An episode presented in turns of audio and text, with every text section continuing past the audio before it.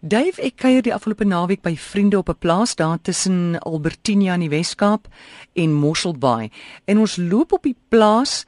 Dit was so 10:00 die oggend, dit al baie warm daar. Ek loop so in die volgende oomblik in die veld ryk ek 'n visreuk en ek sê, "O, gits man, dis 'n aaklige reuk. Het iemand 'n blikkie sardientjies iewers gelos hier?" Ja.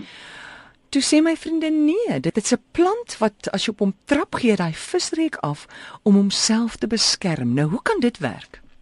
Môre ek nou nou vir jou sê dat ek nog nooit van die visreek plant gehoor het nie, maar dit verbaas my glad. Plante en die organismes wat hulle eet, mense, diere, olifante, sprinkane, krieke, is in 'n konstante oorlogsvoering. Die ecological arms race. Daar's 'n oorlogsvoering en kyk wie kom bo uit. Kom ons praat heeltemal hipoteties. 'n Kriek het 'n voorliefde vir aardappels. Né? Nee? Mm. En hy eet lekker. Maar ergens in die groot land aardappels kom hy af op 'n plant wat sleg smaak en hy eet 'n bietjie minder aan hom. Aha, hier gaan die evolusie vlaggie op. Daai plant gaan beskerm wees omdat hy sê net maar 'n mutasie gehad het. Hy staan op slegte grond, 'n hond het op hom gepie of wat ook al en hy smaak nou anders. En juist daarom gaan hy baie meer suksesvol voortplant en so van sy eie nageslagte begin na hom smaak. Maar nou kom daar eendag weer 'n kriek wat sê dit help nie die smaak, ek gaan reg deur vreet. Nou, nou moet die plante sê hoe hier, hier kom 'n nuwe span krieke aan. Weet jy hoe fyn kan hierdie assosiasie word? Ek was nou onlangs in die Queen Elizabeth Park in Uganda in noorde saam met daai span van Live the Journey.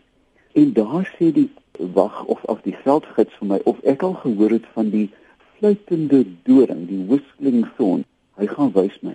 Daar staan wat vir my oog lyk presies na 'n soetdoring, Acacia karoo. En elkeen met 'n groot knobbel tussen die horings.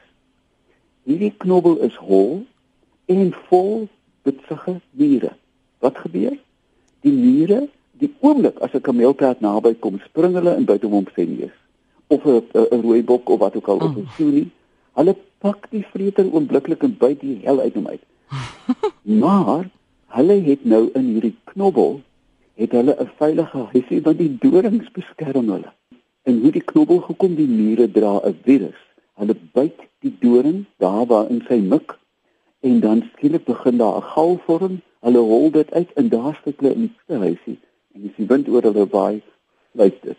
Nou ja, hier is 'n ekstreme vorm. As jy kyk na 'n gewone kameeldoring, net ons ken mos nou almal 'n kameeldoring. Die oomblik as 'n kudu aan hom begin vreet, binne enkele minute begin hy die tanienvlakke verhoog. Die boom reageer op die ding wat hom vreet. Met ander woorde, die kudu, kameelperd, eland vreet vinnig om blare in te kry voordat die beskermingsmeganisme kom en dan sê hulle mm, mm, begin 'n bietjie sterk die tee te lank getrek, is te veel tannie mm. en stap aan. Twee dinge gebeur. Eerstens, die boom kry 'n gesnoeide vorm. Ja, almal môre, jy weet mos hoe dit gat lyk. Baie lieflike forme van 'n wit stam met die kroontjie bo. Jy moet dit beskerm hy homself ook. En twee goed gebeur. Een, hy kry 'n vorm wat uitreis bo die vreter, die sambreel. En twee, bitter gou na 'n aanval in hakies begin plante hulle self beskerm. Daar is byvoorbeeld die seibas wat mense kry in die woude. Breek 'n blaar en oombliklik stol die plantstappe na 'n taai gom. Die insekte se bekke slaat net daartoe, so hulle met een hap kou sluk voor die gom hulle tref.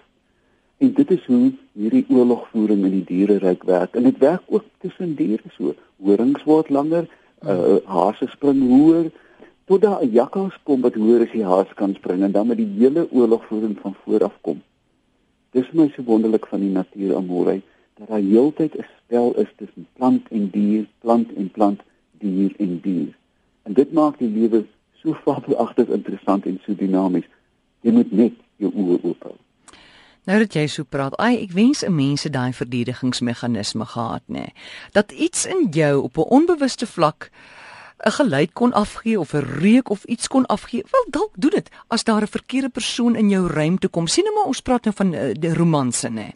As dit die verkeerde man is, die, dat jy iets afskei wat jy nie eers oor beheer het nie om net vir jou te sê, "Hey, moenie verder gaan nie. Ja, weet jy, daar is so 'n ding amore en dit staan bekend as common sense.